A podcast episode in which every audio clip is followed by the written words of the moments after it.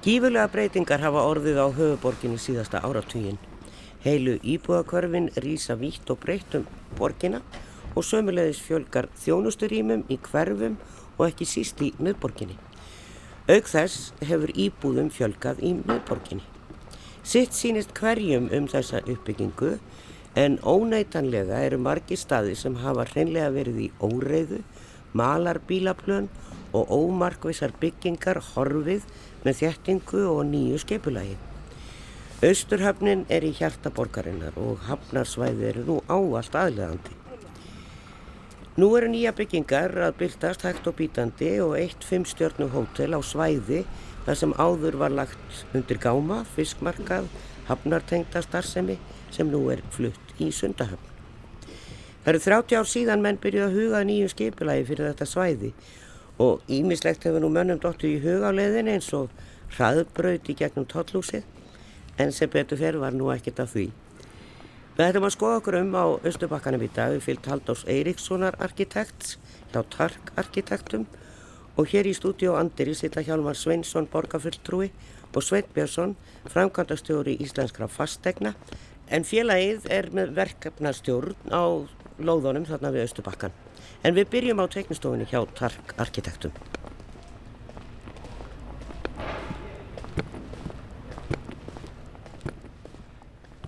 Já, miðbærin rís hægt og bítandi hér og þar og kannski það sem að fólk hugsa mikið og kannski mest um það er hérna Hafnatorkið og Austubakkin.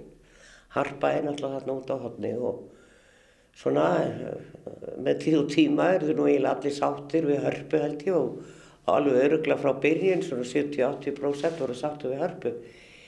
En margir hafa haft ágjör á því að Östubakkin komi til með að skikja algjörlega á hörpu og svo kemur alltaf banki þar fyrir framann sem að ég ger mér nú ekki grein fyrir hversu hárverður en við erum að horfa hér á sex hæðabyggingar og Marriott hótelið sem er þarna, það er sama stofan sem að vinnur þetta verk, það er Tark arkitektar en batterið deiliskypilaði þennan reit og þeir hannuðu harpu. Þannig ef einhver vil kvarta yfir því að þessi hús er á há eða skikja hörpu þá er eiginlega bara að tala við batterið og rífast í þeim. En e, það er sem sagt, þetta er rosalega mikið byggingamagn sem hefur verið að setja þetta niður í miðbæinn og þetta er náttúrulega marg oft komið fram svona á miða við hvað við erum vön þessi litlu hús og eins og það var náttúrulega ekkert annað nema skemmur og fiskmarkaður og bensínstöð og svo sem ekkert mikið varð í þennan reynd þar til að þetta var skipulagt og ákveða að gera eitthvað. Þetta verður náttúrulega, það verður alltaf að fara í miðbæinn. Þetta er svona doldi erlendis eins og maður segir svolítið þegar maður kemur á afnátorkið og austubakkan. Þetta verður það. Þetta er, þetta er miklu líkara verkefnum eins og Akkisbröki í Oslo og, og slíkum verkefnum sem menn hafa farið að færa sig með íbúðbyggðina nær höfninni og þetta er, þetta er elendist þannig. Já. En þetta er líka, þarna voru við í okkur vandrað með þetta plás frá því að, að gáma væðingin teku við hafnar, í hafnastarseminn og fer í sundarhöfn. Þá svolítið er þetta búið að vera afgangs- og vandræðir ími hjá okkur, þannig til menn fara í hörpu, hörpun og þá framkvæmt. Við erum að horfa í raun og vera afragstur af 30 ára ferli að, og verðum aðeins að, að horfa það í þvíljósi en, en eins og segir, er, uh, það getur menn geta rætt um og deilt um byggingamagnin en ég held að þegar maður horfir sko, þá, er, þá er alltaf spurning hvað, á við hvað maður miðar og ef maður miða við það sem er hérna norðan megin við höfnina, það sé að tollhúsið, hafnarhúsið og, og grófarhúsin, þá eru þetta ekkit í meiri skala heldur en þau hús. En eins og er ef maður horfir, horfir inn í, í grjótaþorp, þá er það náttúrulega allt annar, allt annar handlegur. Eða lækjagattan bara? Já, eða lækjagatan, já, hún er fer, fervaksandi, hún, hún hækkar, já. nei, nei, en, en hérna, það gerir það, ég meina, kvosin, innri kvosin er gerna fjórar og ja, mestalagi fimm hæðir, mm. ég held að sér þetta sex hæðir á apotekinu, sem er kannski fyrsta steinhúsi í kvosinni, þetta eru sex hæðir, þarna, þetta er mikil breyting, þetta er, þetta er uh, umtalsverð breyting á, á, á, á miðbænum. Já segir Haldur Eiríksson, arkitekt hér á Tark og hefur svona haft yfir um svo með þessu. En það er kannski líka því að þetta er randbyggð og við erum kannski svona vanari því í eldri byggðin að þetta séu stakstæð hús. Þó svo auðvitað finnist randbyggðir í, í niður í Kóslíka en þær eru kannski svona meira upp á njarðagötu, grætskata, njálskata og þessar svona meira inn í, í íbúakverfunum en við höfum ekki haft svona heilar götumyndir og randbyggð niður í miðbæi nema kannski, já, hafnastræti Já, það, er það er nefnilega kannski ekki alveg, alveg rétti við höfum hafnastræti, við höfum austustræti megnum til er, er, er einn samfell randbyggð. Og, hérna, og póstústrætið er í sjálfu sér eh, hérna, hús við hús sambyggt þannig að það var segja kannski sástruktúr er daldið, maður þekkir hann þarna úr, úr þessu nærumhverfi. Þannig að er, þau verður ekki stakstæð fyrir með þessu síðan, maður er komin í grjótaþorfborinu upp á lauðaveg kannski, já. Já, upp á lauðaveg, sko. En, en, en, en það má kannski segja að þessi þessi litli, litli miðbæjarkjarni sem við höfum, hann er kannski í prinsipinu randbyðakjarni Þú varst með yfirlismynd hérna áðan, þar sem við sáum bara svona flata teikningu ofan á skipulæð og þá svona gerum við þessi svolítið grein fyrir því hvað, hvað er að gerast þarna. Við höfum hörpu, svo kemur lítið torg í söður uh, sem að Reykjavík borg er með á sínum snærum. Síðan kemur hótelið sem að mér hefur alltaf sínst frá lækjagötu vera bara kassi en það er í svona jóð, það beigir og, og er líka við höfnina. Og síðan kemur þessi íbúðabeyð sem er eiginlega svona í G á móti. Og það kemur svona, hvað maður að segja, rampur eða promenad, hvað kalla maður þetta upp á íslensku, hafnar megin, þar, þar verður hægt að ganga. Og sömulegis kemur hann að nýgata sem heitir Reykjastræti og þar er hægt að fara inn að hörpu. Bankin á eftir að koma, þannig að við sjáum ekki að heilta myndir af hvernig hann er komin. Hann er gríðarlega stór, sko hann er bara stæsti flöturinn þannig að við erum að horfa hér bæðan á Hafnatorki þar sem eru virkilega stóra byggingar. Og, og bankin er gríðarlega stór. En hann er kannski ekki dúalega hár. Einhvern veginn hef ég þá til hann er jafn, hann er jafn hár og, og hinn húsinn sko það sem hann hæstur. En svo mingar hann í átt að hörpu. Hann trappast niður í tveggja hæða. Svona endin á honum er tvær, hæðir. Þannig að hann stallast niður í átt að hörpu en, en er þarna á gatnamóton við gerskoð, millir gerskoð og kalkópsvegs er hann, er hann jafn á hinn. Þannig að harpa verður í rauninni ekki sjáanleg nema frá ljótasta stænum og það er úr af sættbrutinni og svo þarf að fara á grand og sjá aftan á hann eiginlega. Ekki þarf fyrir að hún er eiginlega að snúa hinsinn. Já, þú veist, það er kannski hérna, það er alltaf spurning sko, viltu hafa svona hús út á miklu opnu svæði. Nú erum við búin að prófa að hafa hörpuna á mjög opnu svæði mjög lengi og þá verður þetta óskupi einmannalegu labbitúr þegar menn er að fara á tónleika eða viðburði í hörpu að þræða hann í gegnum vindin.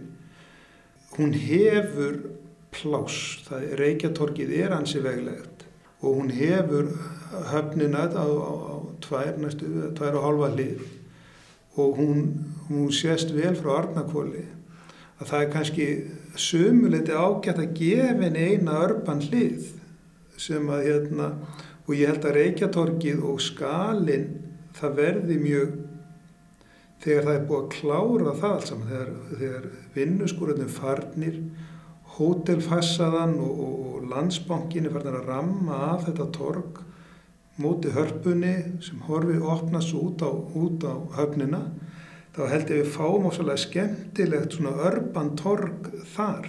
Í augnablíkinu upplifum við torgið við hörpuna fyrst og hann sem torgið sem snýra kalkópsveginum og í raun og veru það sem tekur á móti hinum einir í raun og bílakjallari Sælabankans sem svona er ekkit góður meðspilari með svona torgi.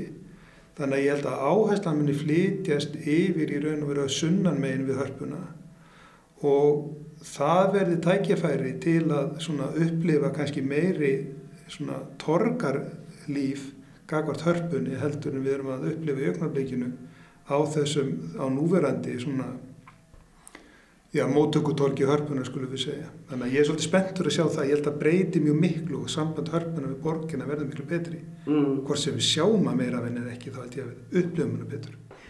Ég veit það bara í februari Róki og Bill þá hefur maður stundum hægt við að fara á tónleika. Bara af því að maður, kvíður svo fyrir að fara þarna neyrir til reynlega. En það er svona áður en við förum þarna neyrir til, við ætlum að kíkja á fáku gangutúr og það verður svona gaman að prófa, það er ekki mikil vindur í borginni það þegar ég er að hitta Haldur en sko hvernig eh, kostar þessi húsi að taka eitthvað, og kostar það að verið mælt, við skulum ræða það þar en það er torgarna sem sagt. Og það heitir Reykjatorg og þar er sem sagt heimild til að byggja líka. Þar er heimild fyrir einnahæðar húsi. Ég með, svona nú verði allt í hennu áhyggjur. Með minnir að það séu 500 fermetrar hvort að það eru helmingur að þessi neðanjarðar bara mann það ekki. En það var hluti af deiliskeipulaginu til tengslum við hörpuna að þarna væri hægt að vera með þjónustöðu veitingahús þau, þannig, og, og hlutverk þess í deiliskeipulaginu held ég vera rétt með er líka ákveðin sko vindbrjótur. Bara það er, við sko batterið hefur haft mikinn hug til vindmála og, og, og Sigur Harðarsson hefur, hefur gert mikið í, í slíkum pælingum. Sem er arkitektnir á batteriði og þannig að hérna þeir tóku svolítið snúning á því gagvart þessu verkefni sem er mjög krefjandi þarna því að þú ert fyrir opnu hafi nánast ja. og það var eina niðurstöðum var það að það væri ákveðin tækifæri með því að leifa bygging á torkinu ef að ég skil söguna rétt til að brjóta eins upp þennan vind gagvart reykjastræti hann væri ekki að koma blásandi beint inn á reykjastræti sko. þannig að það er heimild en ég veit ekki til þess að síðan einn plön í augnarbyggjum um að um að byggja þá byggingu Nei. en hérna, ég hugsa að það sé ágætt að sjá aðeins hvernig, hvernig þetta allt saman verður Nákvæmlega og býða aðeins og doka aðeins við en getum við, getum við gengið nú ætlum við að fara neyrir getum við gengið allan hringin í kringum reytin núna eða hvernig er það? Nei, við, við getum reykjastræti telst vera vinnusvæði. Við getum nú alveg fengið, fengið lánaði hjálma nýra hjá, hjá IF og, og, og, og labbaða sko, ég held að það sé alveg þess virði að kíkja, kíkja inn á svæðið. En, en á hafnabakkanum er hægt að labba. Já, tjekkum á því Áður en við skoðum Östubakkan skulum við heilsa upp á gest okkar þá Hjálmar Sveinsson, borgarfulltrú og Svein Björnsson, framkvæmdastjóra íslenskra fastegna. Velkomnir. Takk fyrir. Sko kannski fyrst að spyrja því Hjálmar uh, þetta deiliskypula sko, það, það, það líður svo mikil tími að harpa og það kemur hrun og allt þetta og, og eins og hann var að tala um hann uh, Halldóra þá, þá er ansilant síðan að menn voru að pæli í þessu svæði Já, heldur betur Hvena, hvena kemur þetta? Já, það er ótt að reykja sögun alveg til þeirrar ákvörðunar að byggja tónleikahús þarna niður höfn, það var árið 2000 þá voru það rauninni sammæltist um það borgarstjórnir Reykjavík, Ingeborg Solrún Gísladóttir og Böð Bjarnarsson mentamlar á þeirra og upp úr því eh, þegar það var búið ákveða það þá var búið að deilum það í 30 ár hvað er húsið þetta koma og upp úr því var farið einmann rétt í hugmyndasænkjefni 2001 eh, um svæðið og, og þar var eh, með samkvæmt einhverju lýsingu síðan kemur rammaskipulag Eh, eftir þessa hugmyndasamkeppni 2004 held ég og 2006 kemur deiliskypulag og það er hérna í því deiliskypulagi þá er gert ráð fyrir ímsu sem að síðan varða veruleika, það er gert ráð fyrir því að þessi þarna, þarna, fyrsta lagi að þarna er ísu hús sem að verði kennileiti fyrir hafnarsveið, það er harpa. En líka að þarna komi byggð sem að tengi þá rauninni lækjartorg eða kvosina gömlu við hörpu. Mm -hmm. og þarna er talað um ráðstöfnuhús og þarna er talað um mjög stóran bílakjallara. Þannig að það má segja að það sem hefur verið að gerast hérna síðust árin byggir á þessu deiliskypulagi byggir á þeirra ákvörðun að hafa hörpuð þarna og svo framvegis. Eh, deiliskypulaginu frá 2006 og síðan hefur því verið breytt aðeins eh, svona í nokkur skipti og endar því að það er gert ráð fyrir þarna íbúðum. Uh, og ef maður rétt að það var eitt af þeim síðustu og sveitekir er kannski betur eitt af því síðustu sem var breytt var að það var fallist á það að búa til svona eins konar geil í húsaröðuna uh, eða húsa, já húsaröðuna geir, geirskotu megin en ekki eitt svona samfeldur vekkur þar sínist mér að vera komin eins konar þakarður. Og hérna á tímabili var gert þar á fyrir því þarna listaháskólinn kæmi þar sem að landsbankin er núna að rýsa og, og það var teiknað hótel inn á þennan reit sem er núna bæði hótel og íbúðir þannig að já þetta hefur sem sagt er búið að vera í 20 ár og sínir hvað hlutinir taka oft langan tíma Nákvæmlega, hvena komið því að þessu sveit? Hvena kemur, koma íslenskar fastegnir? Já, þetta er uh, 2016 þá komað þessu. Já. Og þá er þetta, þá er náttúrulega, þá er búið að breyta skipleginu þannig að, að, þú veist, gamla 26 skiplegi var, þetta var, þannig að þetta var aftur að vera völdrætt sendir, þannig að skipstofbygging og þetta aftur að vera eitt stórt 500 herbyggi hótel og svo harpan. Já. En þarna, en, en þegar við komum að þessu, þá er búið að breyta þessu þannig að þessu íbúri er þá komnar í spilið. Já og hérna búið brótið þetta meir upp heldur en deiliskeiplega þannig sé kallað á sko en þarna þannig að þegar, þá fyrir við þess að vinna sko að, að breyta þessari þessari fullkomni randbygð eins og þetta var hugsað að, að þarna öll geiskata var þá einn vekkur sko og, og við sem sagt opnum það með Haldóri og, og Kó með reykjastrætinu Nei, við opnum þá, þá þetta, eins og þú horfur átt fyrir geskvöldinu, þá er búið að taka kroppana í sundur. Já. Þannig að þú færð sólina inn í þennan þakkar sem er núna uppi. Það finnst okkur breyta alveg ofbóslega miklu hvað var þar.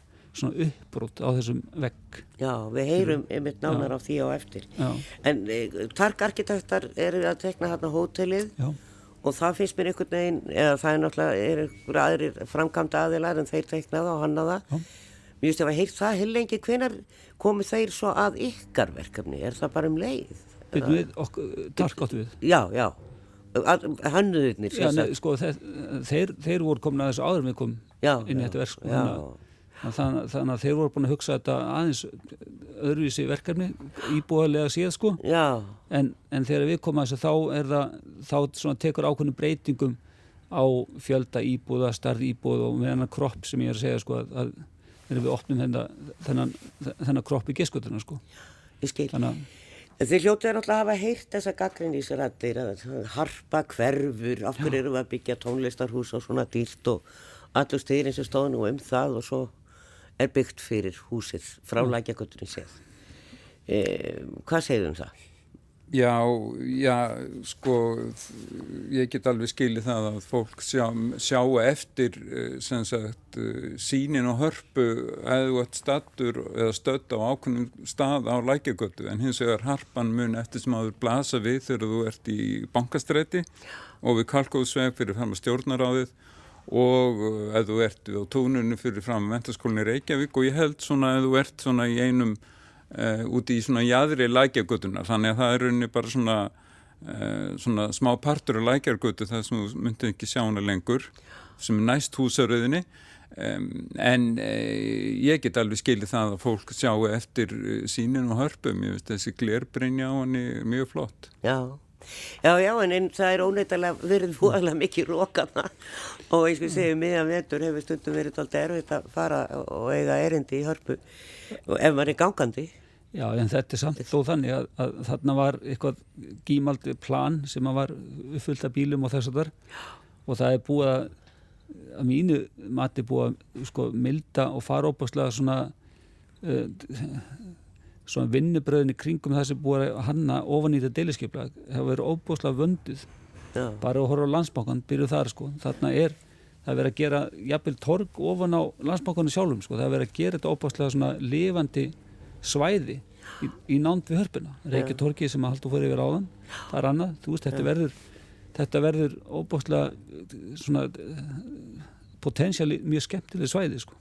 En hvernig ímyndið ykkur en að banka því að þegar ég var að horfa svona flatt og ná mm. bara, þú veist, hva, hver er með hvað mikið plás Já. á þessum reynd þeir eru með svona plás og harpan er þarna og síðan er bankin og hann er með stærsta plásið svona, sjáu þið það fyrir ykkur hvernig hann verður þarna í landinu Já, já. ef hann er svona hár, sex hæðir líka stúti, hann er fimm hæðir já. á geskutuna og verður fjóra hæðir með fram þarna hótelinu og svo dettur hann neyri í tvær, tvær hæðir sem er nær þörpunni þannig að það er náttúrulega uh, skemmtilegt uppbrót á, á þessu magni. En, en þú er líka sko því finnst hann lang, langstæstur en er það ekki sko. Nei, hann, hann tekur bara aldrei stort pláss á, á flatamáli uh, byggingreitsin sko. Já. en rúmmálega séð eða, eða svo kallaði byrtir fermetrar er mjög sambal eins og, og hinn tvei húsin, hótelið og íbúðunar já. Hjálmar Reykjatorg, uh, Haldur vissi ekki mikið hvað væri plönir með það, það væri byggingaleifi þarna. Veistu eitthvað, er einhverja pælinga komnar í, í á þann, þann reynd? Nei, nei, ég hef ekki heyrt neinar, uh, neinar pælingar um það. Það er komið þarna hús svona jæðri Reykjatorgsin sem þjónustuhús fyrir höfnuna sem margir hefur tekið eftir en Já. það er ekki það sama sem ég gerti ráð fyrir.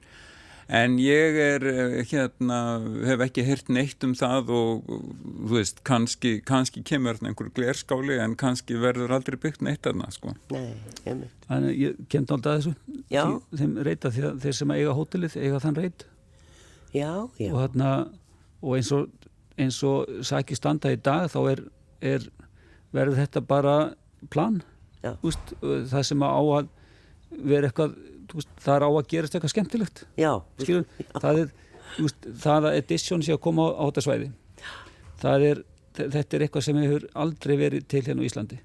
Og þetta hotel concept þetta er ekki þetta, heitir edition, Reykjavík edition þetta er hluti af Marriott keðunni þetta er svona óbúslega lifandi hús sem, a, sem að byggir ekki bara á uh, sína starfsemi á gestum hótelsins heldur þeir byggja sitt mjög mikið á því að, að gangandi og, og almennir borgara geti uh, notið sín í þessu húsi. Já, já, hvað sem það er á veitingastæði eða, eða börum eða hvað það er sko. Uh, þannig, að, þannig að það er eitthvað sem að þeir svo geti hugsa sér að nota þetta rými þarna fyrir framann húsið á milli hörpunar og hótelsins sem eitthvað skonar uh, svona afdrepp eða hægt að hafa eitthvað svona skemmtunahald þar sem að sjáum hvað setur. já, En við skulum gera hlýja hér og bregða okkur á Östubakkan í miðbænum en þess að geta, sérstaklega vegna þeirra sem kvíða veðri og vindum við hörpu, að það verður hægt að ganga ofan í bílakjallaran frá geiskutu og ferðast innandýra alveg inn í hörpu. En við skulum drífa okkur í bæin með Halldóri Eiríksinni, arkitekt. Já, þá erum við komin hérna í Reykjastræti sem er eh, göngugata, þetta er ekki gata, það má ekki keira þessa götu. Hún gengur hérna meðfram þessir austubakkanum, þessari nýju byggð hér og hérna hægri hönd sem sagt í austur átt er landsmákina Rísa. Húsin hérna, þetta eru íbúðarhús og svo horfum við hér á hörpun. Þessi sín á hörpun, hún á eftir að hverfa því að bankin á eftir að taka það. Þetta er nú doldið flott sko, ef að bankin er bara doldið hár hér og trappaði niður í þetta þannig að maður Já, þetta sæju þetta hörpu svona. Þetta verða tvær hæðir á, á bankanum hérna aftast ef ég maður rétt. Þannig að þú sér svo sem efri hlutan af hörpu en þá yfir honum. Já, En hérna, nei, nei, það minkar ásýndun á hörpuna. já, já.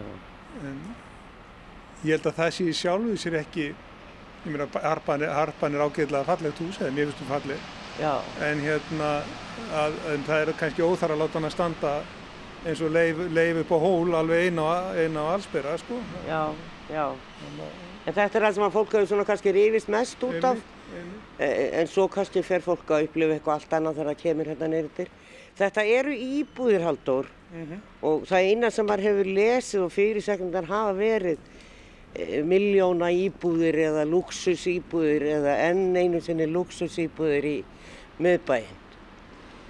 E, hér er það, er það kopar hér klæðningi? Kópaklæðning, já. Já, já, já. á þessum- Býtu, er þetta risastórar íbúðir, eru það allar alveg rosalega dýrar eða hvað er þetta? fyrir ok okkur þá er þetta það, þá er þetta ekki ódýri fermetrar Nei, við hérna og yrðu það hvað sem er aldrei það er náttúrulega, við mögum heldur ekki gleyma því að það er eiginlega alveg sama hvað menn leggja í hús eða hvaða kumbaldi fyrir á sölu í kvosinni það er ansið hátt fermetrarverð á hann já, þannig að það má segja að það sem er kannski að gerast hérna er að menn hafa hafa hortst í augu við það að menn eru á óskaplega eftirsóttum stað og hafa það ákveð að leggja í það þannig að það sé eftirsóknarvert fyrir, hérna, fyrir þá sem er að leita af ofsalegum gæðum. Það er kannski eh, lína til að horfa á þetta. já. Það er hérna þegar við horfum til hægri, það semst í norður átt, það er hótelið Mhm. með svona glugga sem koma út í svona eiginlega bara í, í þrýhetning, svona Mhm. annar, þriði, fjóri, fymtu hvað gluggi. Hér fyrir, og þetta er hins vegar bara á svalir hérna og sem snúa hér í, í austur þá. Og, uh, en hvað eru það stórar þessar íbúður? Já, það er maður náttúrulega bara, þetta er alltaf dreigið út í fréttum. Já, Íbúð á hvað, 350 miljónir var það ekki? jú, eitthvað svo leið, sko. Ég, ég satt að segja man aldrei þessar tölur uh, sjálfur, sko. Þetta eru mikið af íbúðunum, sem, sérstaklega þeim sem snúið á höfn, stæðstu íbúðunum, sem eru, eru, held ég, 180 fermetrar eitthvað svo leiðis. Það eru náttúrulega fjórar, fimm penthouse íbúðir sem eru ennþá stærri, einhverjir, tæpir 300 eða um 300 fermetrar. En megnið af þessu eru frá 180 og niður í 40 fermetra Alveg og, í allt- 40? og allt þar á milli. Sko. Já, já. Það eru, það eru pínulitlar hérna, bara tveggja herbyggja íbúðir hérna að geirskötunni og svo eru eh, einhverjar, mér minna að séu eitthvað í kringum 60 fermetra íbúðir hérna í þessu innstahúsi eða næst hótelinu og þannig að þetta er ekkert allt, allt saman risa íbúðir. En, Nei, en þær eru svolítið dýrar allar. Já, það er bara mikið í þar lagt, við erum að vanda okkur í, í, í innréttingum og, og, og, og gæðum, sko. Það er náttúrulega margir sem segja, býtu, akkur getur maður ekki fengið að kaupa þetta bara tilbúð undir tréverk eins og var í gamla daga og hérna, og fólk getur bara ráðið þessu sjálft. Já, ég held að það sé alveg valið spurning, en menn, það er, er ákvörðum þeirra sem byggja hvort hversu langt þeir vilja ganga og sumstaðar og stundum er færðu að, að, að kaupa hérna, tilbúindir tréverk. Nú erum við komin hérna út í Geitsgötu. Ég ætla að kaupa mér íbúð hér sem að kosta svona 150 miljónir. Það er ekki smá umferðarháaði hér. Nei, nei, það er heilmikið umferðaháaði og þessna þurfti að, þurfti að taka til þess með í, í, í val á glerjum og, og, og svalalókunum og öðru slíku. Nei, við erum í borg, Já, það, það fylgir í kostur og gallar. Ef þú, ef þú vilt kyrðin og fuglasöngin og heitapottum út í garð, þá ertu annar staðar heldur en hér. Það eru bara í Mosó. Til dæmis. Nú við, það er náttúrulega fullt af íbúðum hérna sem eru enn ósældar en hérna hinum megin við sem er á Hafnatorgi og uh, maður hugsa svolítið þegar maður er að sjá allar þessar íbúðir. Það er náttúrulega alls ekkert allir sem vilja flytja í miðborg og svona þá nákvæmlega í þennan umferðarháaða og það líf sem fylgir borginni. Barnafólk til dæmis, ég veit ekki, flyttur það hinga neyrir til? Nei, ég held að það sé, og það er eitt sem til dæmis við, þegar vorum að vinna í þessum íbúðum, þá var það til dæmis tekin bara svo ákvörðum og það var ekki sérstaklega markmið að hámarka fjölda herbergja. Ég meina, ég held að það veri engin að halda því fram að, að það sé hendut að ganga, ganga í skóla hérðan og fókusin hér er á fólk sem er annarkvæmt komið með, unglinga að mentaskólaaldri eða er jafnvel hérna, með uppkomin börn. Já, það er bara, mann finnst þetta að vera svo margar íbúðir þegar maður hugsa um alla hverfisköttuna líka upp á löga við einhverju hluta uh, upp í Holtum. Og svo hér bæði á Hafnatorgi og hérna megin. Við erum svo fá Íslandingar það er þetta ekki, er ekki tótti stór prósent af íbúðum sem að þarf að fyll, til þess að fylla þetta af fólki Ég miða við, það var bara, ég held að það verið bara í senasta mánuði sem að hérna, húsnæðis og mannvíkjastofnun var, var að hafa áhyggjur af sko, frambúði. Að það væri orðin, orðið merki um skorti, menn þetta snýst líka um að það er að breyttin á markanum hefur aukist mikið. Þetta var, við erum komið meira, eða ég segi ekki meira, við erum komið verkefni svo þetta sem eru, eru svona í efri endanum, Já. mjög ábyrrandi og svo ertu komið svo bjarg sem er að byggja fyrir lífeyri sjóðina mjög ódýrar íbúðir eða eins ódýrar og kostur er. Þannig að ég held að valkostunum hefur fjölgað sem er bara gott, ég held að það sé bara eðlert að menn geti valið. En það breytir því ekki að, að, að í heildarmyndinni þá, er, þá stefnir í skort á íbúðum því það hefur lítið, náttúrulega það hefur hægðist mikið á framleiðslu eftir að fór bakslag í nýbyggingasölu um tíma hérna, þegar, þegar COVID byrjaði. Það svo, var svo ágætt sala á íbúðum í sumar Þannig að, að það, er, það er allt sem be- allar tölur benda til þess að reynda með okkur vandi íbúður. Já, það er nefnilega það. Þetta er nefnilega svolítið Já, merkilegt. þetta er merkilegt. Nú erum við sagt komin hérna að hafna megin. Þetta er alltaf indislegu staður. Maður gengur hérna með fram höfninni. Hér eru, hér eru bátar og skip og Og ég meina landslag sem sá um landmótunum hérna gerði náttúrulega er búið að leysa þetta gríðarlega skemmtilega. Já. Að, að, það, er- að, gangstíðin flæðir, flæðir jöfn frá húsinu út í, út í borgarlandið og svo er þessi þetta, þetta deiligata hérna á milli og svo er stallurinn tekinn þar fyrir utan niður á, niður á Hafnabakka. já, þetta er svona, það er súlnagöng hérna. Þannig að það er e, eiginlega yfirbyggt svona upp við þetta, þessi þjónusturými. Þetta er þetta tilvalin staður að vera, hér kemur vestursólinn og kvöldinn og að vera hér með útiveitingastaði og annað, ekki bara búður.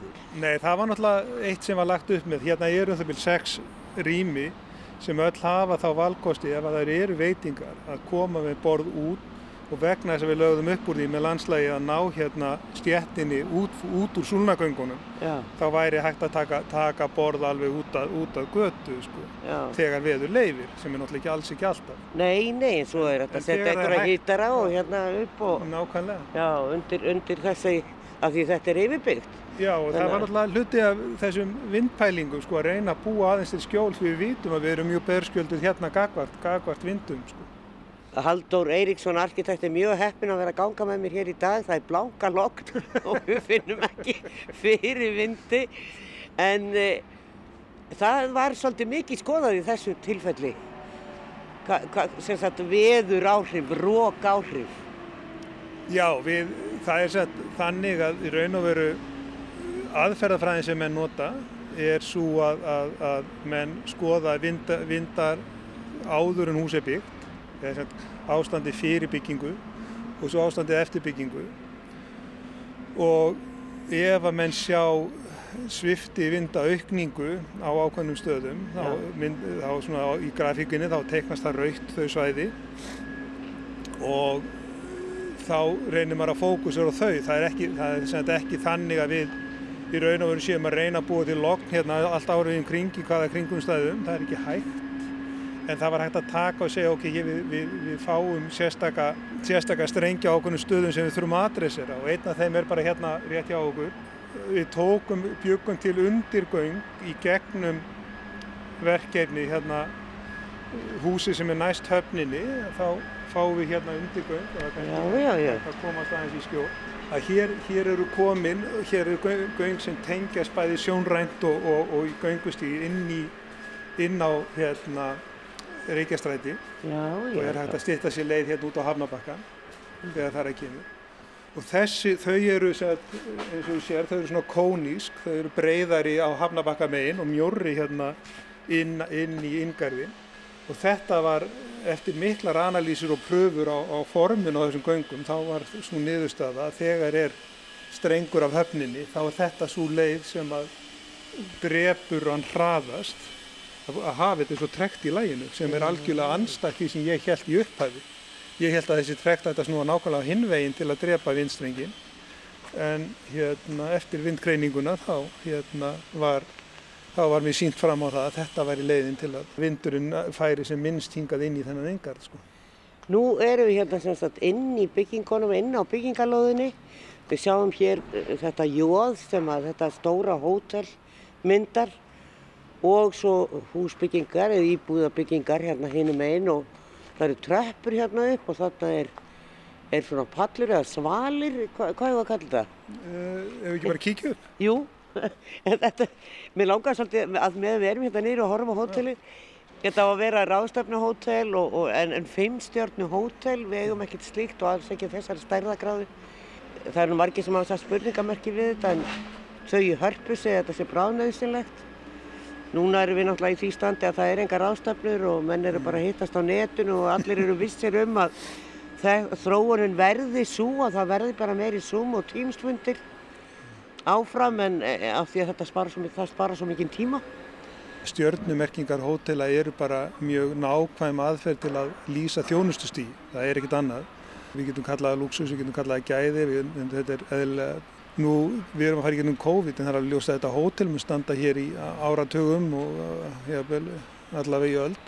Já. og, og þá gerist þetta heilmikið á þeim tíma. Ég held að þó, að- þó að við séum að fara á Teams í miklu leiti í svona smæri hópum, þá held ég að, að hugmyndin um ráðstefnur og hvernig þær eru hugsaðar sé ennþá relevant eftir, eftir COVID. Eða Ég ætla að vona það hörpunar vegna og, og okkar allra hinna. En við ætlum að fara hérna upp á þennan pall og ljúka þessu spjalli þar.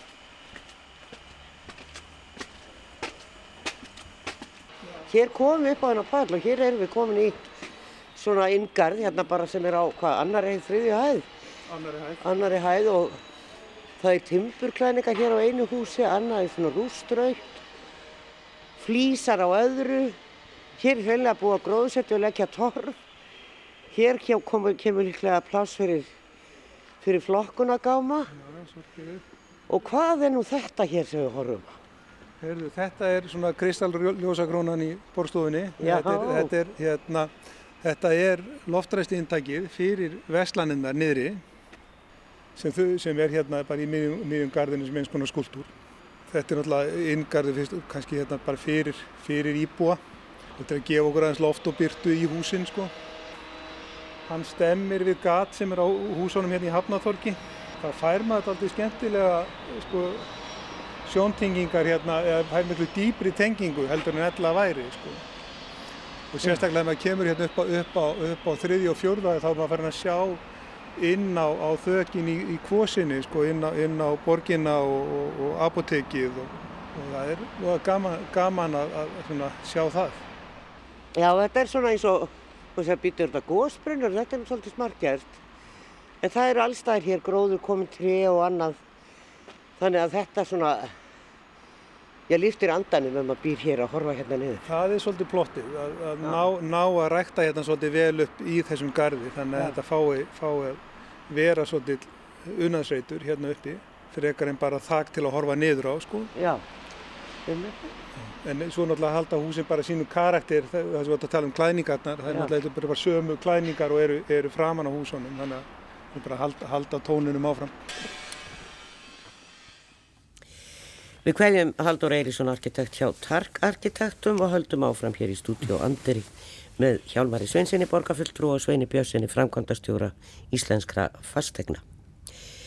E, þegar þið komið að þessu, það, það var alltaf meiningin hjá ykkur að, að- að byggja íbúðir eða hvað? Já, Já, það var ekkert annað, einhvern veginn draumur um eitthvað annað. nei, nei, nei, nei, það Nei. var alls ekki, þetta var eðislu stafsning fyrir slíkt sko. Já, en eru, sko, það eru þarna þjónusturými niðri, hafna megin, Já, en að því við fórum nú ekki, ég fór svona veltaði fyrir mér, er það líka, sem sagt, austan megin á húsunum, er þetta bara, já, þetta er, sko, öll fyrsta henn er, er þjónusturými þjónustu og vettlanrými já, og veitingstæðrými sko. þannig, að, þannig að það er eitthvað sem mun svo spilast úr en það liggur beint við, manni finnst náttúrulega eðlægast að þannig að vera veitingstæði sem eru meðfram bryggjunni, já, bryggjugötunni eins og hún heitir í dag já, bryggjugata, Já. já, já.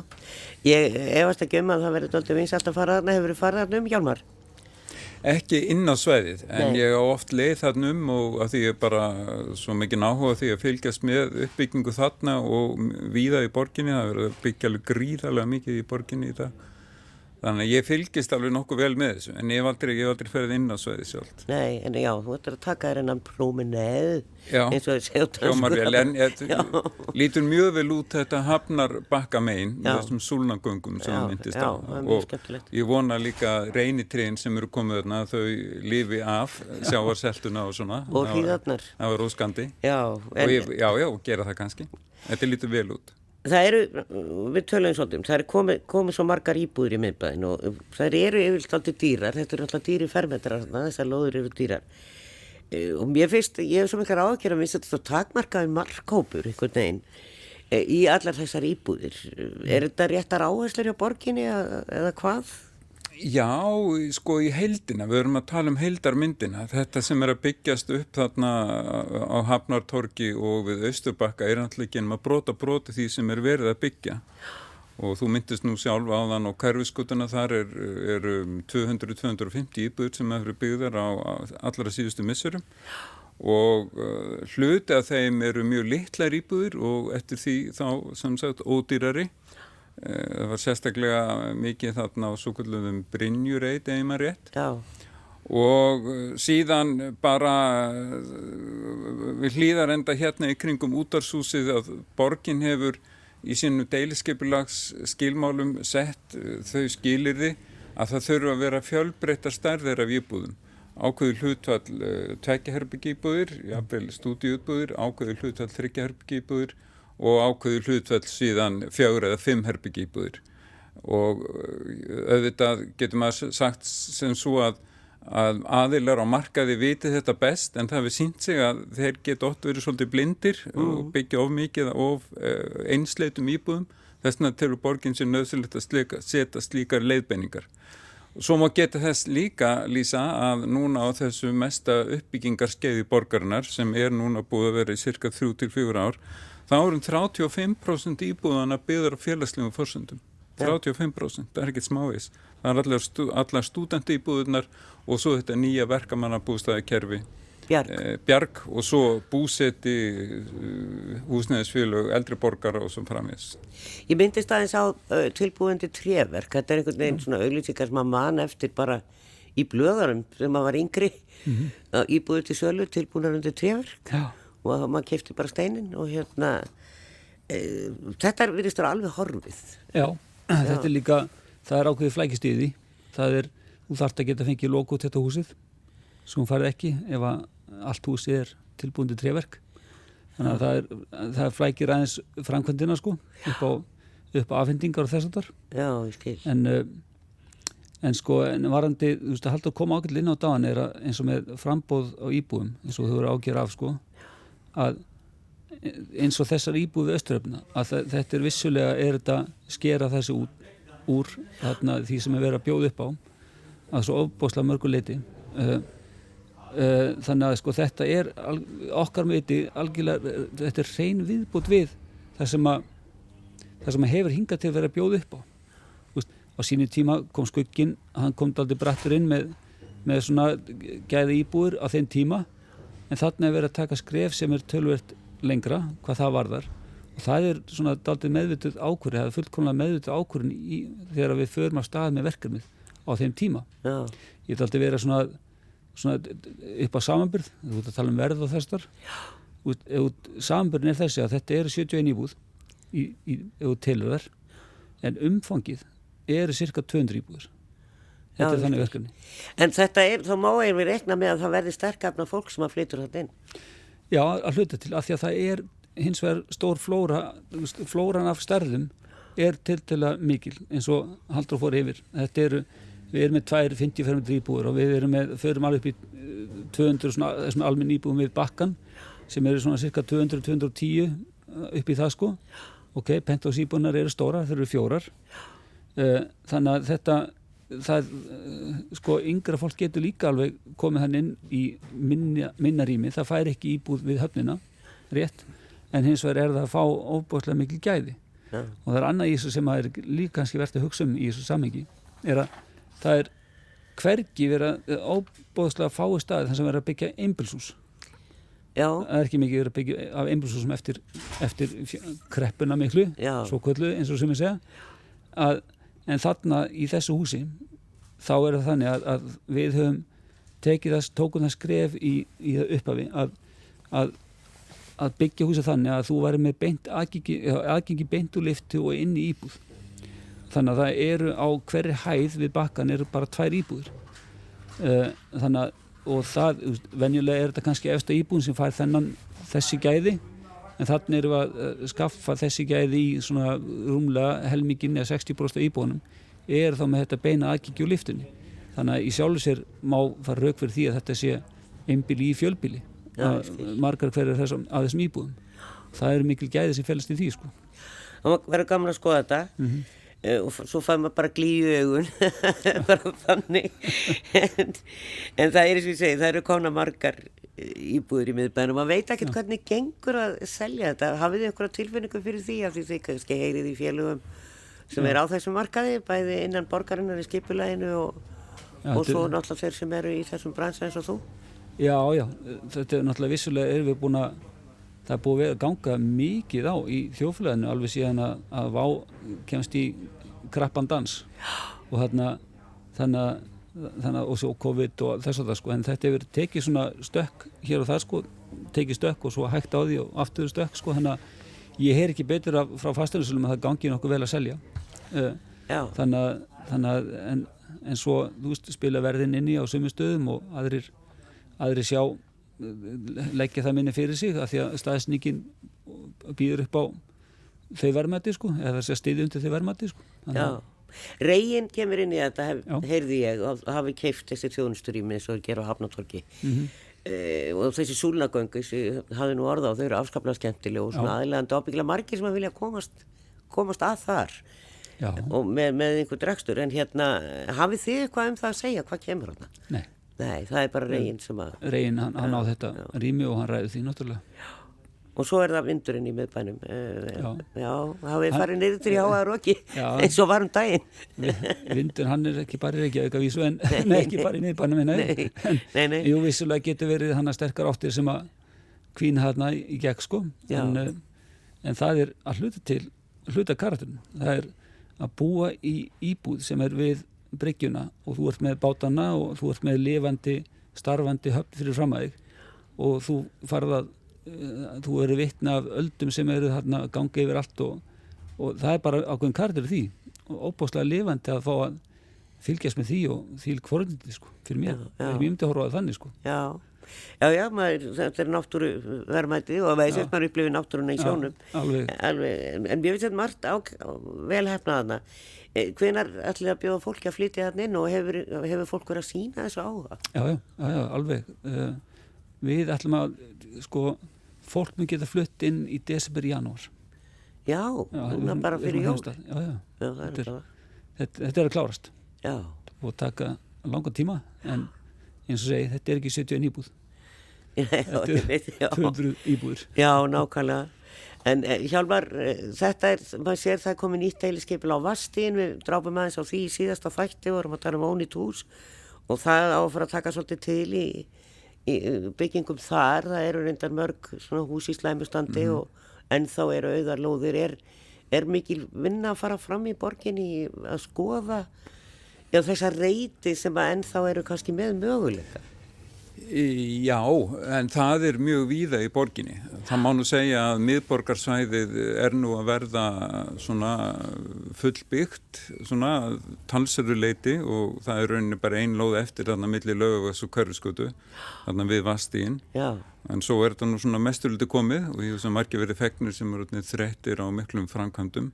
En það er verið að skoða lóðir innan byggðamarka út um, út um allan borg og, og það er að fara að stað endurskoðun á aðalskipulæginu sem að skilgreinir það er uppbyggingarlóður betur. Þannig að uh, það er uh, allt á fullu og að því að við viljum ekki hérna dragast aftur úr í byggjungu íbúða. Og reyndar er útlitt fyrir það að Reykjavík muni að verði byggðar hluthalslega fleiri íbúðir í Reykjavík heldur en í nákvæmlega setja fylgjóðanum næstu árin því að Reykjavík býr bara mjög vel að lóðum Það er nefnilega kannski erstu hjálmar, hann nefndi það að hann haldur og það hefði komið fram hjá húsnæðis og mannverkjastofnun að, að það færi að, að væri að bera á skorti, komið verulega óverð.